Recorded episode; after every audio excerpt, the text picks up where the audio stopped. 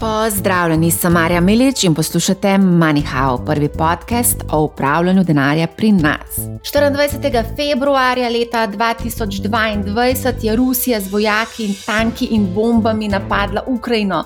O tem poročajo vsi svetovni mediji v posebni seriji epizod MoneyHow, pa bomo osredotočeni na vpliv vojne in kriz na finančne oziroma kapitalske trge. Sogovorniki bomo pogledali v preteklost in analizirali aktualno dogajanje iz različnih zornih kotov. V današnji epizodi bomo pogledali, kako so vojne vplivali na finančne trge globalno in regionalno, kako in kje vse bomo čutili posledice. Danes so posledice invazije Rusov v Ukrajino na svoji koži oziroma bančnem računu, da nimo že čutili slovenski komitent iz Berbank. Z menoj sta Sašo Stanovnik, eden najpogosteje citiranih analitikov oziroma ekonomistov sicer direktor raziskav in analiz v Adventuri Investments. Saša pa je tudi ljubitelj zgodovine in pa zgodovina finančnih trgov mu je zelo, zelo blizu. Zdravo, Saša. Hvala za le, lepo vod. Mal sem si pomagala z vaše spletne strani. Pridružil se nam bo tudi še en zelo citiran ekonomist oziroma analitik Matej Šimnic, ki je tudi direktor področja analiz pri Capital Genetics in ga poslušalci Manihau tudi že dobro poznate, saj je bil večkrat moj gost. Sašo in Matej pa se tudi zelo dobro poznata, saj sta bila dolgoletna sodelavca pri Alta Invest. Zdravo, Že Marja. A sem vse povedala, kar je bilo potrebno povedati? Mislim, da je. Mislim, da je. Ja. Več ali manj. Preden gremo na današnjo vsebino, bi rada spomnila na pregovor Marka Twaina: History never repeats itself, but it often rhymes. Torej, zgodovina se ne ponavlja, pač pa pogosto rima. Na zadnje smo slišali sirene za zračni napad ali pa videli tanke vojake na ulicah, smrt zaradi vojaškega obračunavanja pred dobrimi 30 leti na območju nekdanje Jugoslavije. To smo slišali, čutili tudi v Sloveniji. Druga svetovna vojna pa se je končala pred 77 leti, torej leta 1945. 24. februarja leta 2022 pa se je zgodilo nekaj, kar si večina verjetno ni predstavljala, da bi bilo možno v tem 21. stoletju, ruska invazija v Ukrajino. Spomnimo se, sredi decembra lani smo se o napetostih med Rusijo in pa Ukrajino pogovarjali z upravljalcem premoženja Timom Umbergerjem, ki že 14 let živi in dela v Moskvi in nam je povedal, da ne pričakujejo vojaškega spopada. Tima sem poskušala v zadnjih dneh tudi priklicati, žal neuspešno, vendar popolnoma razumljivo.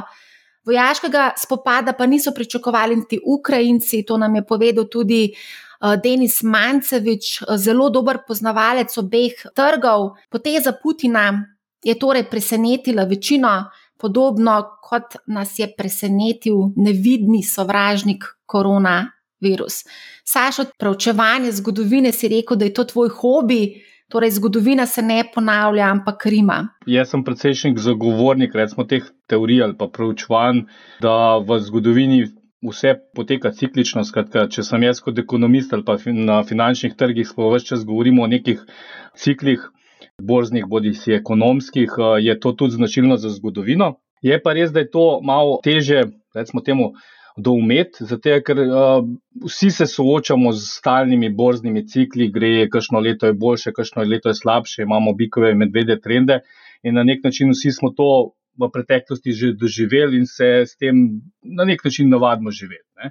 Tudi z ekonomskimi cikli je podobno, vemo, da se vsakih 5-10 let zgodi nek dogodek, ne, bodi si je to zdaj uh, kakšen pok balovna, ki povzroči potem uh, domino efekt na ekonomije, bodi si je to čist neka klasična recesija, bodi si je to lahko tudi povezano z nekimi recimo, zdravstvenimi krizami in tako naprej. In že spet nekaj, kar se vseeno na nek način ne vadimo, čeprav vse tudi vi ste imeli že nekaj oddaj, kjer se zelo jasno vidi, da ljudje kljub temu, da doživimo kakšno krizo, kljub temu, da doživimo kakšen pok balona, vseeno ga čez par let že kar pozabimo in, se, in že spet pozabimo, da se lahko nekaj tasga ponovi. Ne. Zdaj, zgodovinski cikli so pa malo bolj teže za razumeti, zato ker te cikli so dolgoročni. Ne. Govorimo o nekaj, kar se zgodi na 50, 100 ali celo še več let, in posledično celo življenje živimo samo v enem delu, lahko fazi cikla. Ne. In to je potem zelo um, na nek način težko se mentalno pripraviti, da sledi kakšen drugačen cikl. Ne. To je približno enako, lahko si predstavljamo, kako bi izgledal finančnik, ki bi 50 let gledal samo bikov trend, kjer bi samo videl, aha, ali neko leto zasluži 10 odstotkov, ali neko leto zasluži 20 odstotkov, ali pa 3 odstotke. Ne. Uh, mentaliteta takega bom rekel, finančnika bi bila malo čudna, ko bi enkrat nenadoma se spopadel pa z neko finančno krizo. Ne. In to je v zgodovini, kjer lahko rečem, da, kot se sama omenila, dolgo časa je od druge svetovne vojne, ampak na nek način ta uh, zelo konstanten in um, rekel, predvedljiv mir, ki je bil v Evropi v zgodovini bolj uh, izjema kot pa pravilo. Ne. Žal.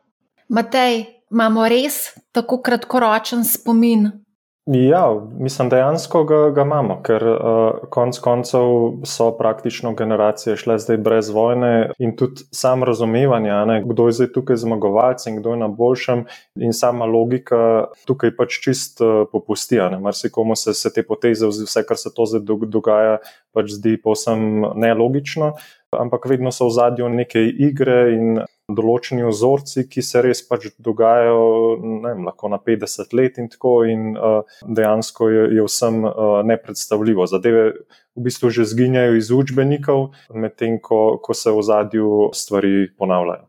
Uh mhm. -huh. Ja, a gremo zdaj konkretno pogledati na nekatere pretekle dogodke, ki so vplivali na finančne trge, mogoče globalno, regionalno. Sašo, ti si študiral te dogodke, lahko mogoče predstaviš par teh tvojih zaključkov, kaj si spoznal. Teh o, podatkov se dosti dobi tudi na spletu in različne statistične analize, kaj se je v preteklih a, krizah, predvsem pa recimo tako ali drugačnih vojaških ali terorističnih krizah zgodilo z borzo. Borza ponovadi je padla, ne, o, ampak ni tako drastično v tem smislu, da ponovadi mislim, da statistika nekih 20 dogodkov v zadnjih, vem, mislim, da 50, 60 letih je bilo nekje, da je prvi dan bo, so borze padle za okoli odstotek, dva, v povprečju zgolj 5 odstotkov do recimo tisto, kar merijo kot nek končni vpliv. In pa zelo hitro se je ponovadi tudi trg pobral, torej v mesecu dveh. Je pa res, da je to zdaj zelo, ta statistika je vedno treba pogledati specifično na konkretne primere, ne? še posebej, ker jih 20 dogodkov ni pa zdaj uh, ogromna statistika in zdaj tukaj govorimo o raznih manjših vojnah in večjih vojnah. Ne? Če hočemo neko veliko vojno, da samo si znamo predstavljati, ne? recimo napad na Pearl Harbor, mislim, da sem zbrskal tam podatek, da je trg padel tisti dan 4 odstotke v relativno, mislim, da je prišel do dna, je padel za 20 odstotkov, kar je veliko, ampak spet ne toliko, ne, če se spomnimo finančne krize 2008-2009. In pa že v dobrem letu dni je to nadoknadil. Ne. Tako da na nek način borze, saj doslej so ponovadi zelo hitro prebavile posledice. Zdaj, kako hitro prebavijo, je pa dosti krat odvisno tudi od ocene vlagateljev, koliko neka države, ki so upletene v vojni, uh, in govorimo o upletenosti, da bojo torej pokasirale tisto najhujši del, da poteka vojna v njih ali pa da živijo neke veli, velike sankcije, koliko so pomembne za svetovno ekonomijo. Ne? Tako da, recimo, če bi neka svetovna vojna je logično bistveno bolj vplivna kot pa neka manjša kriza. Ne? Skratka, recimo, ko Severna Koreja izstreli kakšno raketo, pomeni, da je vpliv praktično odstotek, dva, max v tistem obdobju po izstrelu. Ne. Pač noben jih ne, ne jemlje tisto krizo resno. Se pravi, zdaj ta situacija Ukrajina-Rusija je nekje, vme, mislim, zaenkrat nekje vmes v tem smislu, da vseeno in Ukrajina in Rusija ne predstavljata tako zelo velik del svetovne ekonomije. Za Ameriko sta sploh relativno nepomembni, za Evropo so bolj pomembni. Spet na drugi strani pa je treba priznati, tukaj gre bolj za vpliv potem, koliko lahko neka Rusija in Ukrajina na samih, ja rekel, specifičnih panogah povzročijo disrupcije, torej recimo žito, eh, energenti. Ne. Mogoče bi tukaj samo omenila, da na Bloombergu so pa naredili raziskavo najglobji dnevni upad tečajev in so ugotovili, da je bil ruski indeks peti najglobji upad na dan, ko se je začelo vse skupaj. Takrat mislim, da je upadel za dobrih 30 odstotkov. Ampak ja, ko smo pa gledali globalne indekse ali pa tudi konec koncev SP, ni bilo tako dramatičnega upada. Praktično naslednji dan je že praktično se pobral, so se pobrali indeksi. Matej, si ti mogoče kaj to študiral? Ja, tako kot je Saša omenjal, je, je dejansko je, je prvi dan nekako največja panika, potem se, pa, potem se pa zadeve umirijo. Predvsem zaradi tega, ker ta prvi dan je nasplošno pač tisti, ki so bolj emocionalno in tako pač potegnejo določene poteze, potem se pa to da v nek. Se pa zadeva razmisli, oziroma kje, kje dejansko, kakšni vplivi uh, bodo, kje pridejo te povezave na ven, oziroma uh, ki, katera podjetja bodo najbolj oškodovana. Tako da, kljub temu, ne, da mi nasplošno vidimo, da, da, da so relativno majhni paci oziroma nizka reakcija, je pa na drugi strani eh, na podjetjih, ki so pač bolj upletena v, na, na te trge, je pa pač čist neka druga zgodba. Tudi najdemo druge zgodbe, jasno. Vedno orožarska uh, industrija in to ima določeno prednost. Tako da je pa res zelo odvisno od tega, kot je Saša rekel, v kakšnem okolju smo. To se pravi, Vemo, da potreba po nafti se običajno v takih eh, razmerah vedno, vedno poveča, in ko gre tukaj za neka naftne države, kot je zdaj Rusija ali pa Irak, ima to še bistveno večji vpliv, in tako naprej, in potem se, se zadeva preračunava, kako to vpliva na, na gospodarstvo in pa. Pač reakcije tudi centralnih bank, recimo, so, so izjemno pomembne. Če smem še dodati, pri teh statistikah, ne pa sploh pri pač takih krizah, je, je glavna težava ta dvojnost. Na eni strani imaš hladno, hladna dejstva, lahko temu rečemo, ker za nek ameriški trg je to relativno ne, manj pomembni dogodek. Ne. Na drugi strani so pa seveda žalostne individualne zgodbe. In ne samo pač govorimo o Ukrajini in Rusiji, ampak tudi konc koncev, ja, od posamezna podjetja so lahko dosti prizadete. In tudi ta statistika, ko govorimo, da bo pa padlo za 5-6 odstotkov, govorimo o nekem merjenju, kaj se zgodi neposredno po neki, recimo, začetku neke vojne. Ampak seveda, v resnici to, kar se zgodi, je, da pot, to je tista una, kot je Matej omenil, tista prva reakcija unih, ki na nek način zapaničarijo, ki prodajo na nek način, bodi si za vsak slučaj hitro rebalansirajo portfelj, bodi si jih zajame panika. Po tisti prvotni reakciji se začne pa čisto, bom rekel, gledanje individualnih zgodb. Ne. Skratka, aha. V resnici bi mogli preučiti, kaj se dogaja potem po tistih parih dnevih, v smislu, kje industrije bojo zaradi tega ali pa podjetja so, bojo tudi kasneje prizadete, ker bojo vse čas slabše, imele slabšo donosnost ali pa cena delnic še naprej padala, zato ker bojo seveda vse čas. Čutili ta vpliv te krize, čutili vpliv sankcij v Rusiji, ali pa da imajo poslovanje v Ukrajini in Rusiji, in na drugi strani, cel, tudi del podjetij bo pa seveda imel od tega tudi na nek način korist. Ne. Ja. No, kakorkoli danes v bistvu ni bilo omogočeno trgovanje v Moskvi, tako da borza je bila zaprta, tako da tudi nisi mogel v bistvu prodati teh naložb, ki jih imaš. Recimo, nekatere delnice ruskih podjetij so upadle za 90. In plus, bom rekla, odstotkov, odkar se je vse skupaj začelo, se pravi, so tik pred bankrotom. Vrednost ruskega indeksa se je od začetka v bistvu te vojne prepolovila. Danes je Ruska centralna banka poskušala umiliti padec rublja z dvigom obrestne mere iz 9,5 na 20 odstotkov. Skratka, kar nekaj je se je zgodilo v Rusiji, ki bo tudi zelo vplivalo na življenje Rusov, Ukrajincev in tudi vseh drugih investitorjev, malih, velikih, na teh dveh trgih. Ne? Zagotovo. Ne? Ja, na nek srednji pa eh, kratek rok bomo čutili vsi to. Ja, kot rečeno, ne, po prvi uni reakciji, tisto, kar je zdaj sicer je zelo odvisno, kako se bo odvijalo naprej, ali se bojo zadeve šle v deeskalacijo in pomiritev razmer, ali se bo še stopnjevalo. Zagotovo tisto, kar lahko pričakujemo in v Evropi in po svetu, je, da torej, en del surovin, katere pomembne izvoznice je bodi si Rusija, bodi si Ukrajina, bojo šle cene na vzgor. Mislim, da so neke ocene, da je torej da ne bi inflacija v Evropi zaradi tega lahko bila za eno do dve odstotni točki višji. Govorimo pač vse, kar je vezano na, na eni strani, preh, govorimo o prehrambeni industriji, torej žito, na drugi strani govorimo o energentih, predvsem nafti, plinu. Ne. Kako bo potem to še naprej, kako bo to ustrajno še pestrilo naše gospodarstvo, je pa odvisno, kako se bojo seveda pomirile zadeve. Ne. Dolgoročno pa kot sem jaz rekel, jaz sem vedno bil pač uh, zagovornik tega, da, um, oziroma ne, ne, zagovornik teorije, da pač uh, prihajamo s tem, ko so se nekako američani recimo zmanjšali njihovo pomembnost svetovnega policista v svetu, prihajamo v neko zgodovinsko obdobje. večje negotovosti. Ne. To pomeni, raznih kriz bo več. In s tem že spet ni to za vlagatelja konec zgodbe, lahko pač se mora na to ustrezno pripraviti, oziroma ustrezno prilagoditi svoje portfelje, oziroma biti pripravljen na take krize. Žal. No, to krizo se mi zdi, da mali vlagatelji niso bili pripravljeni, verjetno tudi kakšni večji vlagatelji niso bili pripravljeni, niso pričakovali, da se bo zgodilo to, kar se je zgodilo. Matej.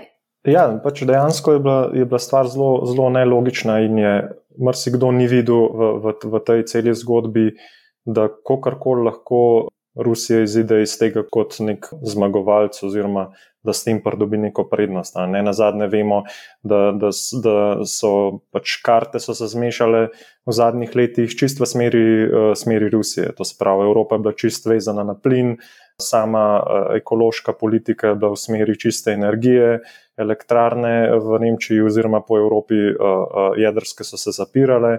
To se pravi, vse je šlo v smeri, da, da, da se še tesneje na, naveže na Rusijo kar je dejansko pač vodilo v to, da je Rusija pridobila vedno večjo moč. Če bi zadeve verjetno trajale še, še leto, dve, tri, ne, bi bil še severni tok odprt, še več elektrarn bi se zaprlo, tako da bi bila pomembnost Rusije uh, geostrateško ne, še se dodatno ukrepila. Tako da je bilo večini nelogična, nelogična ta poteza, da, uh, v katero so Rusi šli. Je pa vseeno, pač v zadju so, so vedno uh, neke politične igre, ki jih mi mogoče ne vidimo, podobno kot na finančnih trgih. So bili članki že pred prvimi sankcijami, ne so bile, uh, so bile uh, špekulacije, da bi mogla biti nafta vem, tudi lahko 100, 115, 120, sploh v primeru vojne. Pa vidimo, da, da je dejansko nafta skočila v prvih sankcijah čez 100 dolarjev na soček zdaj, pa, zdaj pa ni nek, neke ekstremne reakcije, da bi pač videli te nivoje. Res je, da se dolgoročno uh, lahko, oziroma že srednjeročno to zgodi, ampak mi velikrat ne vidimo v zadju, kakšne igre se dogajajo. Kje je OPEC, kje so uh, rezerve po svetu, uh, strateške, uh, kakšni so dejansko premiki tankerjev uh, z vidika uh, uh, plina, in tako naprej. Tako da, uh, ta dogajanje se dogaja že, še bistveno preden pride do teh eh, dogodkov. Enako tudi računavanje noter eh, v, v cene eh, ruskih delnic in tako. Pač določeni umiki so se začenjali že prej. In vemo pač, tudi Sašotom smo velikrat v preteklosti gledali razna ruska podjetja, kako so primerjalno gledano ugodnejša in poceni, ampak trg na, na koncu vedno pač že, že desetletja uračunava neko uh, tveganje nepredvidivosti uh, uh, Rusije in pač to se je odražalo v cenah delnice uh, že, že skozi zgodovino. Je, ja, kaj bo pa zdaj, FED je napovedal dvige obrestnih mer, zdaj marca naj bi se zgodil prvi dvig, kaj za to pomeni, bo, kako bo FED zdaj, ameriška centralna banka, zdaj odreagirala? Mm imamo vsem povišeno inflacijo v Ameriki, v Evropi, Sloveniji, povsod, ne, imamo res povišeno inflacijo in bo treba nekako ukrepati. Ampak zdaj imamo pa še en dodaten zaplet. Ne. Po eni strani ta zaplet pomeni še večji pritisk na inflacijo, torej še večji razlog, zakaj dvigovati, na drugi strani je pa hitro lahko to, ta zaplet tudi na nek način prikladen izgovor, da rečeš, ne se ta inflacija ni tista prava trdna inflacija, ampak je povzročena zaradi nekega enkratnega geostrateškega premika in, in morda lahko je treba več podpirati trg in podpirati potrošnike, ki jih bo že sama inflacija lahko malo odzela neke kupne moči. Ne. Tako da bo na nek način bi težko ugotavljal, kaj, kaj, kaj bo njihovo razmišljanje, oziroma kam bo prevladalo mnenje. So se znašli ja, že tako v težkem trenutku, ker so vsi na nek način čakali, kdaj bojo um, začeli zaostrovati monetarno politiko, oziroma koliko in o tem špekulirati. Zdaj se je pa zgodil še to in še en nepredvedljiv korak. Ne. Um, najbrž je tukaj zdaj bolj verjetno, da bo, da bo FED še dokaj sledil tisti planu, kot ga je imel prvotno zastavljen. ECB bo pa imela še, uh, pa bo morda vseeno mogla še malo bolj um, razmisliti o bolj postopnosti. Ne. Postopnosti. Postopnosti, kdaj in koliko bo dvigovalo obrestne mere, ne, um, in, um, in umiriti pričakovanja glede tega. Ja, tako rekel, na splošno se trg, če tako pomislimo, nekaj časa letos, ko je padal, se je zdelo, da pada predvsem zaradi pričakovanj od višjih obrestnih merah in posledično višjemu diskontnemu stopnju in vse te zgodbi. Ne. Skratka, da se ta, to, kar je na nek način poganjalo trg v zadnjih letih, da, da se obrne. Um, zdaj je pa prišel do dogodka, ki lahko bodi se to pospeši ali pa jih obrne zgodbo. Ne. Da že spet vsi začnejo, vse tudi mislim, da reakcija na na, na borzna reakcija na trge, v tem smislu, da naj, najprej tista panika, potem pa, aha, vse mogoče pa to lahko pomeni. Manjše zviševanje obrestnih mer, kar je pa dobro za trg. Tako da to je na nek način morda pomiril trge, bomo pa videli, kaj bo dejansko centralne banke naredile. So zagotovo v težkih precepih, no, glede odločitve. Ni pomagalo. No. Ne, ni. Uh, kakšna pa verjetnost, da pride do neke globalne recesije in ali smo pripravljeni na neko recesijo zdaj po COVID-u? Mislim, da je to na nek način bolj moj, moj nek občutek bil vse čas, ne, da Um, mogoče sem malo preveč konzervativen, pa pesimističen, ampak vse čas zelo dolgo smo živeli že spet s konjunkturo, tudi poganjeno strani nizkih obrestnih mer uh, in si čakal, da pride eno malo slabše leto, ne neka, kriz, neka resna kriza, neka velika recesija, ampak da pa bo neki, ne, nekaj razpoke. In to se, recimo, to se je pričakovalo torej tam. Da se bo počasi začelo, ne vem, 2020, 2021, samo vprašanje, kdaj v teh letih. COVID je to na nek način, na eni strani je bil to seveda velika in ena neprecedenčna uh, zdravstvena kriza, na drugi strani pa je povzročil, da je uh, trg bil še dodatno preplavljen s poceni denarjem ne, in je na nek način odložil to, um, bom rekel, recesijo. Ne samo z vidika tega pocen denarja, ampak jaz mislim, da je tako, kot rekel. Máš nekako občutek, da je veliko novih problemov, ki jih je ustvaril COVID, ampak vse se je nekako resetiralo. Ne? Skratka, uh, neke podjetja, ki so bila v težavah, so bile zaradi COVID-a še v večjih težavah, ampak zaradi pocen denarja, zaradi nekakšnih državnih pomoči so kar preživela. Tako da se jaz imel vse čas nek občutek, že izven te krize z Ukrajino, Rusijo in inflacijo, ki bi to povzročila, nek občutek, da takoj po, ko se enkrat stvari normalizirajo po COVID-u, da bomo imeli neko lepo indijansko poletje, ko bomo vsi nenadoma si dali duška vso to nakupičeno vrčevanje v zadnjih dveh letih, ko nismo mogli to potvrditi, bomo, bomo si dali duška. Po tistem bo pa prišlo do neke malo mal, mal straznitve, ker se bo vse te um, šibkosti že pred COVID-om in še tekom COVID-a nenadoma začele poznati tudi na ekonomiji. Še posebej, če bi se dvigovale potem še obrestne mere, ki na nek način po, po, po, nekako dajo, uh, potencirajo vse, vse te težave ne, posameznih podjetij. Matej, tvoje mnenje o recesiji Sentiment se mi zdi, američanov zaenkrat je še vedno tudi v tej krizi, uh, kar se tiče Rusije, se mi zdi, da je še vedno tako, da to pač ni pred njihovim pragom. Nimajo neke, nekega občutka strahu, da bi uh, pač prenehali strošenje. Tako da uh, z tega vidika je, je potrošnik, uh, se mi zdi, ta sentiment je tam še, še vedno na takem nivoju, uh, da ni strahu, oziroma ni, ta, tega vrčevanja ni. Tako da je zdaj vse v bistvu predvsej v rokah centralnih bank, kako bodo v tem okolju odreagirale. Zdaj, ali želijo z nizkim obrestnim meram še vedno pospeševati eh, neko potrošnjo, predvsem investicije in, in tvega, da bodo cene sploh pač teh uh, ključnih surovin, aluminij, jeklo in tako naprej se, uh, se višal, ali pa bodo mogoče vseeno uh, šle v višanje, vsaj malo, da, da, da pač da. da da se držijo nekih začrtanih korakov in da se zadeva malo, mal, vsaj malo umirino. Bo pa verjetno ta, ta uh, Rusija vseeno mogoče en izgovor oziroma nek argument ne, podjetij, da mogoče vseeno ne bodo šli v tako hitro zviševanje uh, plač. To je pač glaven, glaven strah, zdaj stalno je bil, da, da, oziroma da se bo ta inflacijski. Uh, inflacijska kepa začela valiti, ko bodo uh, podjetja začela nenadzorovano uh, višati uh, plače. Mogoče uh, pač se saj, saj to lahko prekine, pa, pa do tega ne bo pač, uh, prišlo tako hitro. Mogoče bodo centralne banke bolj previdne, ne, kako izpeljati celotno situacijo, normalizirati stanje na monetarnih uh, politikah, ampak na nek način še vedno zagotavljati podporo trgu. Sej, kot tudi Matej, kot je rekel, zaenkrat kaže, saj sentiment uh, ljudi glede potrošnja še vedno bil zelo dober. Ne. Se pravi, misliš, da se ne bo tukaj povečal strah med ljudmi zaradi nastale situacije, nekateri omenjajo tretjo svetovno vojno, da bi lahko prišlo do eskalacij, nekateri vidijo nova žarišča, ki se lahko v bistvu nekako aktivirajo, recimo tukaj govorim predvsem Kitajska, Tajvan. Ne? Mislim, da je tako rekel. Sej, zgodovinsko je seveda logičen odgovor, vse se lahko zgodi. Tukaj so vsi pričakovali, da ne bo prišlo do take eskalacije, pa je šlo. Ampak na drugi strani, zdaj, ena tolažba, zgodovinski cikli, pa nikdar niso se gibali tako zelo hitro. Stvari zelo, zelo počasi um, grejo v neko smer, in uh, morda trenutno že razmišljati o tretji svetovni, in podobno je pa že malce. Pretirano panika, ne pač, seveda, um, vsi lahko upamo, da se bodo stvari umirile, morda uh, se ne bo, ampak te krize so nekaj, s čimer se pač um, je treba tudi malo navaditi.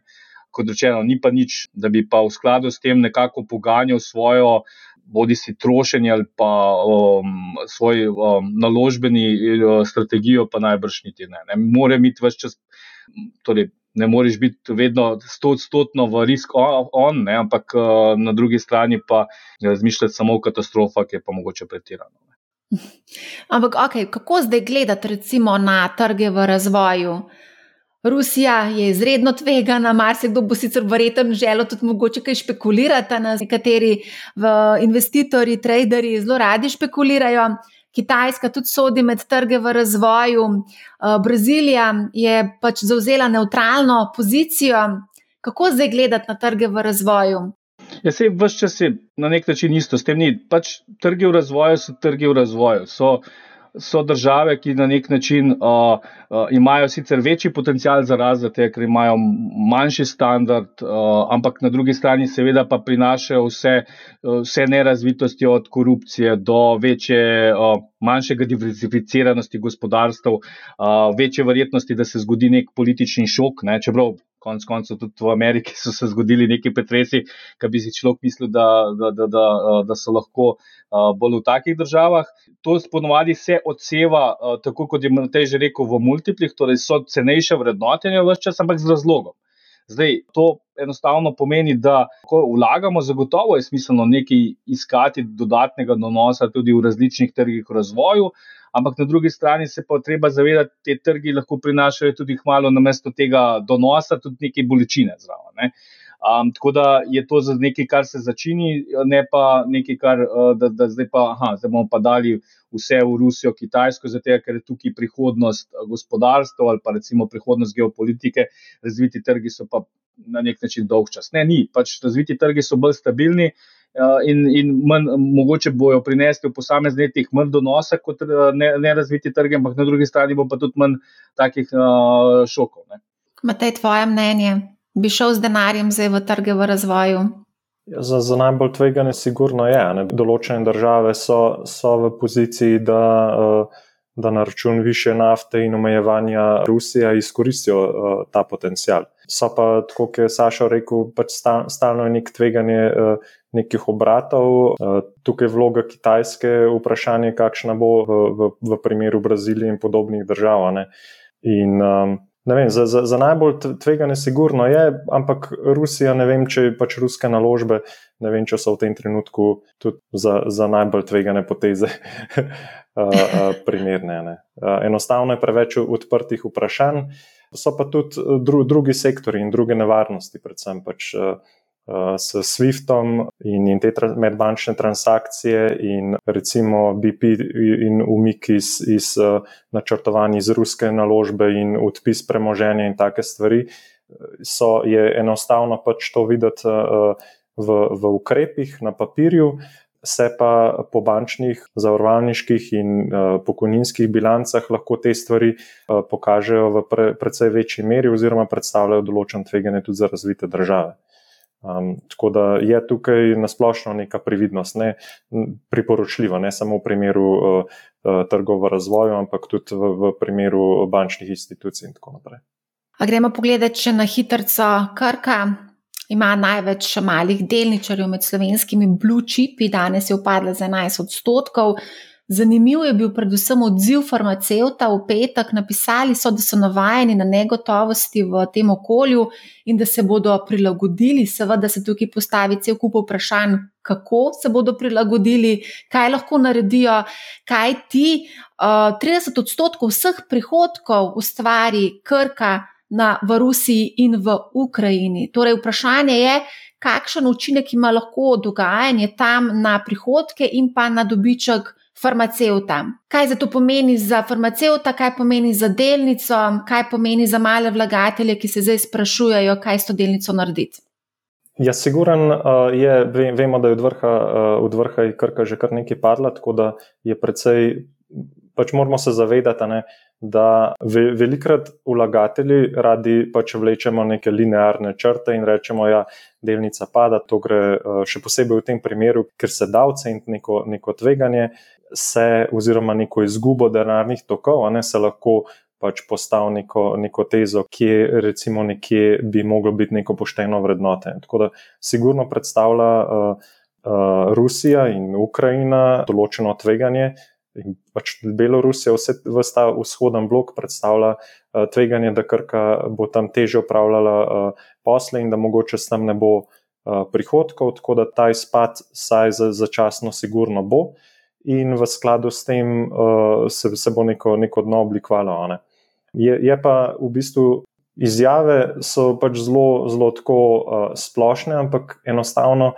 Ljudje, mislim, enostavno so se zdaj ukrepi sprejemali v zadnjih, v zadnjih štirih dneh in je izjemno težko za neko podjetje, da izoblikuje neko strategijo, sigurno jo imajo, uh, sigurno pač bodo poskušali iskati svoje priložnosti. Vemo, da že v preteklosti se je to dogajalo. Ne?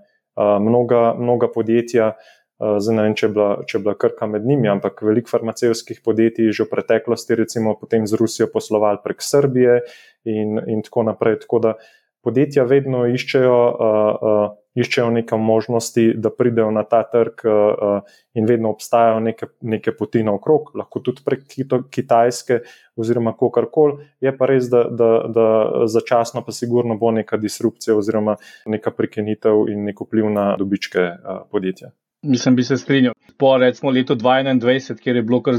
Mm, so imeli ves, veselo poročanje rezultatov, vse rekordni nivoji, imajo uh, že spet najbrž eh, leto polno izzivov, zagotovo bo to imelo vpliv. Uh, uh, vemo, da čez 300 milijonov prodaje v uh, Rusiji, mislim, da slabih 100 milijonov v Ukrajini. Um, dejstvo je tudi res, da. Kot je Matej rekel, oni so bili navajeni na um, že na razne pretrese. Če se spomnimo, se je nekaj podobnega se zgodil, mislim, v manjši meri, uh, kot je ta, ta napad, ki je bil, je bil Krim, kjer je tudi prodaja v Ukrajini močno upadla. Mislim, da je takrat šlo skoraj za polovico navzdol v tistih dveh, treh letih, uh, pa so zdaj že spet imeli nerekordne novoje prodaje v Ukrajini. Ne. Tako da tukaj je pač deloma tudi igra, ali zdržiš tisto umestno krizo, uh, potem se lahko pobereš tudi močnejši. Ne. Zdaj, če pa v, umestni, v umestnem stopni pač ne zdržiš, potem imaš pa težava. Zdaj, Na srečo pa je krka tudi eh, drugih trgov, mislim, je to zelo pomembna trg, ampak je, ima predvsej tudi diversificirano prodajo. Tako da jaz upam, um, da, da, da bojo znali uh, uspešno krmariti skozi to krizo, kar pomeni, bo leto, dve lahko teže, pa bo potem mogoče bolje. Istočasno pa trgi pa zelo hitro to diskontirajo na nek način. Ne. Skratka, če eh, lahko bi rekli, čez noč na nadoma je delnica koliko bila, okoli 115, pa je zdaj že blizu 80. Ne. Tako da na nek način je, um, uh, so se že kar. Uh, na nek način pripravili na uh, slabe uh, rezultate. Ne. Zdaj bomo pa videli, ali je bilo to pretiravanje ali, ali, ali ne. ne. Sicer disclaimer, jaz sem delničar krke. No. Mogoče za konec še kakšen nasvet za male vlagatelje. Številni v bistvu zdaj ne vejo, kaj bi, kaj ne bi. Strah je kar precej velik, imamo povišeno inflacijo, imamo cel kup nekih težav, ki pestijo svet. Naše naložbe tudi so, um, ali prihajamo, ali bo prišel medved, bo poteptal tega bika, smo v medvedju, bomo prišli v medvedji trend, kaj se bo zgodilo, kje so priložnosti, nevarnosti za male vlagatelje. Ja, tako rekel si, na nek način, če vlagaš na kapitalske trge v osnovi, bi se lahko najprej sprijaznil s tem, da bojo vse čas neke krize, take ali drugačne. Vse čas bo prišlo do neke disrupcije, en del takih, ki lahko rečeš na koncu, sej mal sem jih pa lahko pričakoval, pa vedno bo tudi stvari, kjer iskreno lahko skoraj večina reče, da to pa nismo pričakovali. Nismo pričakovali COVID. Uh, nismo pričakovali, konc koncev, da se bo tudi toliko hitro zaostrilo Ukrajina, Rusija. Uh, te stvari se dogajajo. Ne, in se dogajajo na nivoju, torej um, sploh na splošno trgih in ekonomiji, in se dogajajo tudi na nivoju posameznih podjetij. Zdaj, če imaš portfelj, ki je dovolj diversificiran, da nisi odvisen od enega, dveh podjetij, ki lahko zaradi, kakšnega dogodka trpijo, če, če znaš vse čas nekako um, brzdati svoj, uh, na eni strani pohlep, na drugi strani pa svojo, uh, bom rekel, strah, potem pač um, probaš zdržati te krize. Ne. Um, jaz sem sicer bolj pasiven vlagatelj v tem smislu, da pač, ko, ko imaš portfelj narejen, ko vidiš, da si v neke delnice ali pa neke trge vložil, zato ker imaš neko dolgoročno zgodbo, potem pač potrpiš tudi kakšno slabo leto, um, ki bojo prišla slabša in boljša leta. Ne. Lahko probaš loviti donose, lahko torej tudi probaš loviti uh, dno v Rusiji, ampak. Uh, Um, to je pa pač, rabiš mogoče malo več uh, časa posvetiti temu in pa tudi malo sreče, ne, da to uloviš. Um, kot rečeno, ve, ampak moraš ponovno vedeti, kaj loviš in vedeti, kaj, kaj je lahko to, kaj je lahko pesimističen scenarij tega in kaj je lahko optimističen scenarij. Skratka, če si pripravljen, na, da se zgodi na vse, potem uh, nekako zdržiš. Ne. Niso pa ponadi potem donosi spektakularni. Ne. In to je tudi nekaj, kar se moraš, recimo, že v prvi točki sprijazniti. Pač vsaj, če, če boš imel eno leto, ko boš imel donos 20 odstotkov, prva stvar, kar bi se lahko vprašal, je, redu, koliko bom izgubil naslednjo leto. Ne? Ja, lovljenje dna in vrhov je igra za norce, jaz da skrat rečem, Matej, kaj pa ti misliš? ja, veli, veli, velikrat se mi zdi, da, da, da gledamo te grafe na več desetletij in se nam zdi, da ja, to se pa v preteklosti ni zgodilo, in tleh pa šlo, zato gre samo gor, borza. Uh, Doskrat se gleda še te logaritmsko skalo, ki je sploh pač za, za uh, zelo uh, izravnal vse skupaj. Ne, v resnici pa če malo približamo, ne pač Vietnam, Koreja, Afganistan, uh, uh, Kuwait, uh, Irak, uh, pač vojen in, in, in, in drugih finančnih dogo pač drugih dogodkov, ne, ki so vplivali na finančne trge, je v resnici pač bilo v preteklosti izjemno veliko, samo vlagateljih enostavno uh, pozabimo in, in uh, jih ne vidimo na, na, na grafu. In se nam vse zdi, da je, da je novo, in da zdaj so se pa zadeve res spremenile. V resnici pač se niso, uh, moramo biti pripravljeni na to volatilnost, moramo pač tudi. Uh, um, logično malo razmišljati o pacih. Uh, veliko ljudi je, je, uh, je paničnih takrat in takrat se pač pojavijo priložnosti. Um, tudi v, v zelo takih fundamentalnih vidimo, da, da bodo Nemci predvsej povečali sredstva za, za obrambo, tudi verjetno cel NATO blok bo povečal, kar pomeni jasno plus za, za obrambno industrijo, kot pa če mogoče kdo ne mara, oziroma se mu, mu ne diši, da bi jo imel v portfelju. Je kar nekaj tudi evropskih uh, podjetij uh, uh, tukaj in, in pač znajo pridobiti uh, na ta način.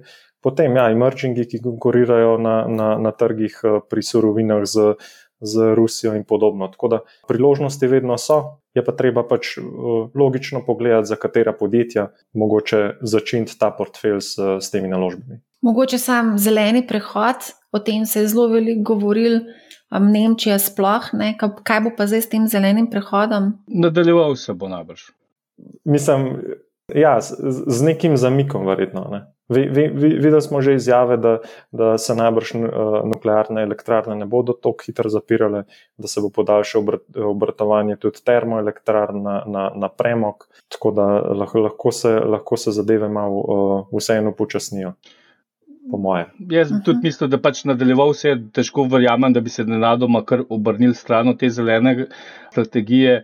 Uh, je pa nekaj, kar na nek način je težko najbrž ljudem poslušati, ne? ampak predstava o tem, da bi uh, vsi smo imeli zdaj predstavo, da bomo imeli čez 10-20 let, bo naša energija, več bomo porabili energijo, ta bo bolj zelena, torej, uh, pa še pocen bo zraven. Mogoče bomo dobili še vračile za to. Uh, pač uh, tega ni, ne? nek boš mogel popustiti. Um, in najbrž ta zelena energija pomeni tudi, da jo bomo več plačevali. Zdaj, če je to nekaj, kar smo pripravljeni, potem super, ne? potem pač se na to pripravimo. Ne? Drugače pa edina stvar, ki bi do, do, še dodal na prejšnji komentar, je, edina, edina, uh, en profesor mi je rekel, edina stalnica v življenju je negotovost. Ne? S tem se moraš pripraviti, na drugi strani pa to ni nič. Uh, na nek način nič slabega, mišljeno v tem smislu, da če se, če se sprijazne s tem, potem pač vse, vse negotovosti lahko vidiš tudi kot priložnost. Ne. Oziroma se proba saj nekaj naučiti od tega, čeprav ja, zgodovinsko se ljudje zelo malo naučimo, uh, saj kar se vojne. Pripričana sem, da so se naši poslušalci, gledalci danes veliko naučili, tako da najlepša hvala, Saša, Matej, za super debato. Hvala tebi, za povedal. Evo, dragi poslušalci, z vami smo v dobrem in slabem. Če imate kakršno koli vprašanje, mi pišite na marja.afnabusinessspace.com ali preko katerega od družbenih omrežij. Naročite se na podcast Manihau, zelo bom vesela, če boste posredovali informacijo o podkastu prijateljem, znancem, sorodnikom in vsem, za katere menite, da bi jim vsebina lahko koristila. Poslušajte Manihau, ne bo vam žal. Lep pozdrav!